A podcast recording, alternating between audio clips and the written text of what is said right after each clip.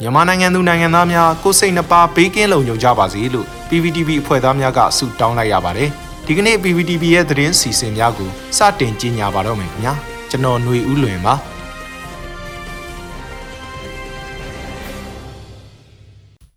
ပထမဆုံးအနေနဲ့အမျိုးသားညီညွတ်ရေးအစိုးရကကချင်အာဇာနည်နေ့သို့တဝန်လွှာပေးပို့တဲ့သတင်းကိုတင်ဆက်ပေးသွားမှာဖြစ်ပါတယ်ကချင်လွတ်လပ်ရေးအဖွဲ့ KIO နဲ့ ကချင်လွတ်လပ်ရေးတပ်မတော် KIA ကိုစတင်တည်ထောင်ခဲ့တဲ့ခေါင်းဆောင်တွေကြာဆုံးတဲ့နေ့ကိုဂုဏ်ပြုကျင်းပတဲ့ကချင်အာဇာနည်နေ့ကိုအမျိုးသားညီညွတ်ရေးအစိုးရကတဝန်လွှာပေးပို့ခဲ့ပါတယ်။ဩဂုတ်လ10ရက်နေ့မှာကြာအုပ်ခဲ့တဲ့46နှစ်မြောက်ကချင်အာဇာနည်နေ့မှာအမျိုးသားညီညွတ်ရေးအစိုးရအနေနဲ့ကြာဆုံးလေပြီးသောကချင်အမျိုးသားခေါင်းဆောင်ကြီးတွေကိုတတိယအောင်မေကြောင်းနဲ့ခေါင်းဆောင်ကြီးတွေနဲ့အတူမွေးဖွားလာတဲ့ကချင်လူမျိုးများရဲ့ကိုယ်ပိုင်ပြဋ္ဌာန်းခွင့်ရရှိရေး မြန်မာနိုင်ငံမှာ Federal Democracy စနစ်ပေါ်ပေါက်လာရေးရည်မှန်းချက်တွေအောင်မြင်ပါစေကြောင်းလေးနက်စွာဆန္ဒပြုတယ်လို့တဝန်လော်မှာဖော်ပြခဲ့ပါတယ်။မြန်မာနိုင်ငံရှိလူမျိုးအသီးသီးမှာငြိမ်းချမ်းရေးတရားမျှတမှုနဲ့တန်းတူအခွင့်အရေးရရှိရေးတို့အတွက်သာမက Federal Democracy ပြည်ထောင်စုထူထောင်ရေးတို့အတွက်ကိုဂျိုးစွန်အနစ်နာခံကတက်ဆွန့်ဂျိုးပန်းဆောင်ရွက်ခဲ့ကြတဲ့အာဇာနည်သူရဲကောင်းတွေအများပြားရှိတယ်လို့လည်းအမျိုးသားညီညွတ်ရေးအစိုးရရဲ့တဝန်တော်မှာပါရှိပါတယ်။ KIO KIA အဖွဲ့အစည်းဟာအာဏာရှင်စနစ်ဆန့်ကျင်ရေးနဲ့ Federal စနစ်ထူထောင်ရေးရည်မှန်းချက်တွေနဲ့ဖွဲ့စည်းထားတဲ့တိုင်းရင်းသားလက်နက်ကိုင်အဖွဲ့အစည်းတစ်ခုဖြစ်ပါတယ်။ KIA ဟာစစ်တပ်အာဏာသိမ်းပြီးနောက်မက်လာကစပြီးတော့ကချင်ပြည်နယ်ကမြို့နယ်တွေနဲ့ရှမ်းမြောက်နဲ့စကိုင်းတိုင်းဒေသအချို့မှာစစ်ကောင်စီတပ်စခန်းတွေစစ်ကောင်စီရင်နှန်းတွေနဲ့စစ်ကြောင်းတွေကိုခုခံတိုက်ခိုက်မှုတွေပြုလုပ်ခဲ့တာကြောင့်တိုက်ပွဲတွေမကြာခဏဖြစ်ပွားလျက်ရှိပါတယ်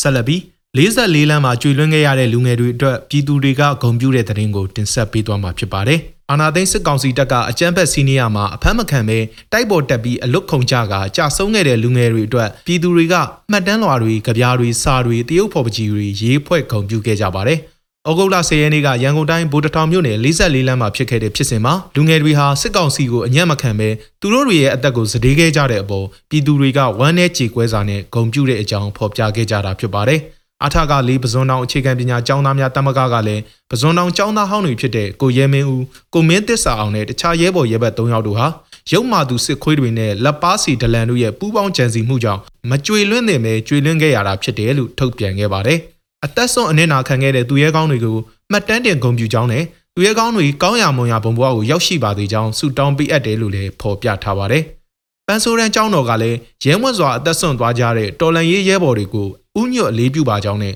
၎င်းတို့ရဲဝံ့စွာစတေးပြီးတော့ပါဝင်ခဲ့တဲ့တော်လန်ရေးကိုဆက်လက်ကြိုးပမ်းသွားမယ်လို့ကတိကဝတ်ပြုကြောင်းထုတ်ပြန်ခဲ့ပါတယ်။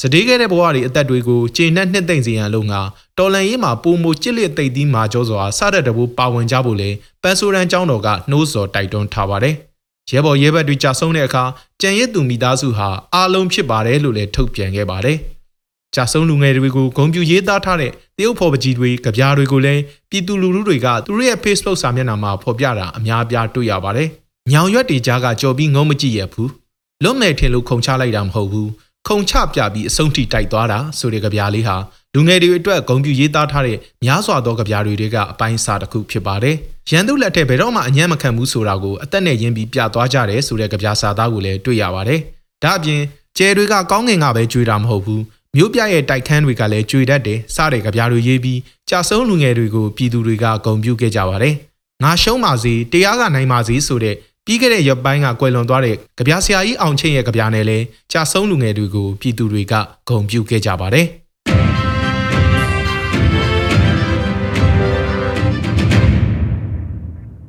ဆက်လက်ပြီးရောဒေတာ PDF အောက်မှာမြို့နယ်အလိုက်တပ်ဖွဲ့6ခုတိုးချဲ့ဖွဲ့စည်းလိုက်တဲ့တဲ့ရင်ကိုတင်ဆက်ပေးမှာဖြစ်ပါတယ်။ရောဒေတာပြည်သူ့ကာကွယ်ရေးတပ်ဖွဲ့ YPDF ကမြို့နယ်အလိုက်ပြည်သူ့ကာကွယ်ရေးတပ်ဖွဲ့6ခုကိုတိုးချဲ့ဖွဲ့စည်းသွားမှာဖြစ်တယ်လို့ဩဂုတ်လ10ရက်နေ့ကကြေညာခဲ့ပါတယ်။ YPDF ကိုရောနယ်အတွင်းမှာရှိတဲ့ဂန်ကောထီလင်းစော်ကြော်ကြောက်ထုနဲ့လောင်းရှည်စတဲ့ဒေသကစစ်အာဏာရှင်အမြင့်ဖြတ်ရေးနဲ့ရောလူမျိုးအကျိုးအမှန်တကယ်လိုလားတဲ့သူတွေစုပေါင်းပြီးဇွန်လ3ရက်နေ့ကဖွဲ့စည်းခဲ့တာဖြစ်တယ်လို့ဆိုပါတယ်။ခုခါမှာတော့ YPDF ရဲ့အောက်မှာ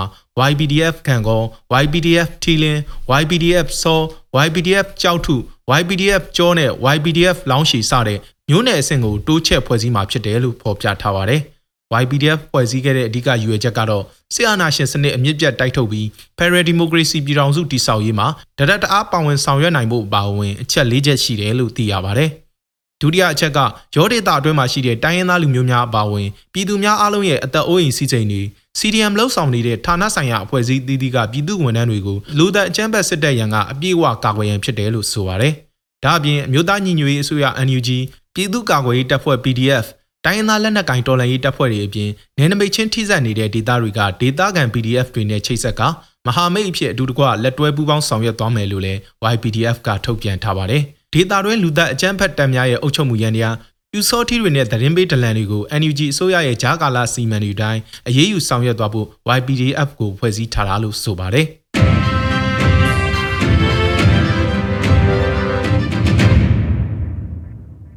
ဆက်လက်ပြီး American ပြည်ထောင်စုကမြန်မာနိုင်ငံကိုလူသားချင်းစာနာမှုဆိုင်ရာအရေးပေါ်အကူအညီဒေါ်လာတန်း90ကျော်ပေးအပ်လှူဒန်းသွားမယ်ဆိုတဲ့သတင်းကိုတင်ဆက်ပေးမှာဖြစ်ပါတယ်။အကြမ်းဖက်နှိပ်ကွပ်မှုများကြောင့်နေရက်ဆွန့်ခွာထွက်ပြေးနေရသူများအပါအဝင်မြန်မာပြည်သူများအတွက်လူသားချင်းစာနာမှုဆိုင်ရာအရေးပေါ်အကူအညီဒေါ်လာတန်း90ကျော်အမေရိကန်ပြည်ထောင်စုကပေးအပ်တဲ့အကြောင်းကိုကုလသမဂ္ဂဆိုင်ရာအမေရိကန်တပ်အမတ်ကြီးသောမတ်လင်ဒါဂရင်းဖီကထိုင်းနိုင်ငံသို့ယနေ့သွားရောက်တဲ့တရားဝင်ခီးစဉ်အတွင်းကြေညာခဲ့ပါတယ်။ ဒီအကူအညီတွေနဲ့နိုင်ငံတကာနဲ့အစိုးရမဟုတ်တဲ့မိမိတို့မိဖက်အဖွဲ့အစည်းများဟာမြန်မာနိုင်ငံကထွက်ပြေးလာသူတွေဒါမှမဟုတ်မြန်မာနိုင်ငံတလွှားမှာ၎င်းတို့၏နေအိမ်များကိုစွန့်ခွာထွက်ပြေးလာသူတွေအပါအဝင်မြန်မာပြည်သူများအတွက်အရေးပေါ်စားနပ်ရိက္ခာအကူအညီအသက်ကယ်တင်စောင့်ရှောက်ရေးမရှိမဖြစ်ကျန်းမာရေးစောင့်ရှောက်မှုရေမိန်လာနဲ့တကူရေးတန်ရှင်းရေးဝန်ဆောင်မှုအကူအညီများကိုပေးအပ်နိုင်မှာဖြစ်ပါတယ်။အဆိုပါအကူအညီအပြင်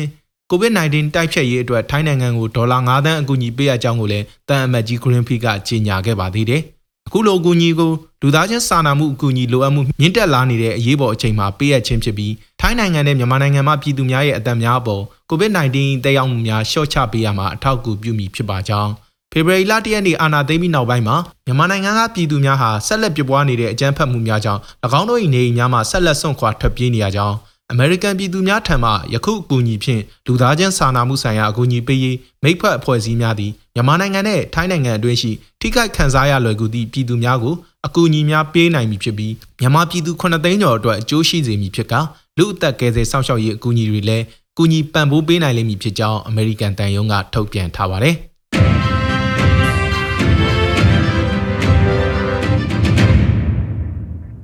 အခုနောက်ဆုံးသတင်းတစ်ပုဒ်အနေနဲ့စစ်ကောင်စီတပ်သားများလက်နက်အပြည့်စုံနဲ့အလင်းဝင်ရောက်လာပါကစုငွေ85သိန်းပေးမယ်လို့ဒဇယ်ပြည်သူ့ကာကွယ်ရေးအဖွဲ့ကကြေညာထားတဲ့သတင်းကိုတင်ဆက်ပေးမှာဖြစ်ပါတယ်။အာနာရှင်ရဲ့လက်ပါစီဘွားကလွတ်မြောက်ခြင်းတဲ့ရဲဘော်တွေကိုဖိတ်ခေါ်ကြောင်းစကိုင်းတိုင်းဒဇယ်ပြည်သူ့ကာကွယ်ရေးအဖွဲ့ TPC ကဒီကနေ့ဩဂုတ်လ10ရက်နေ့မှာ၎င်းတို့ရဲ့သတင်းစာမျက်နှာကနေရေးသားထုတ်ပြန်ထားပါတယ်။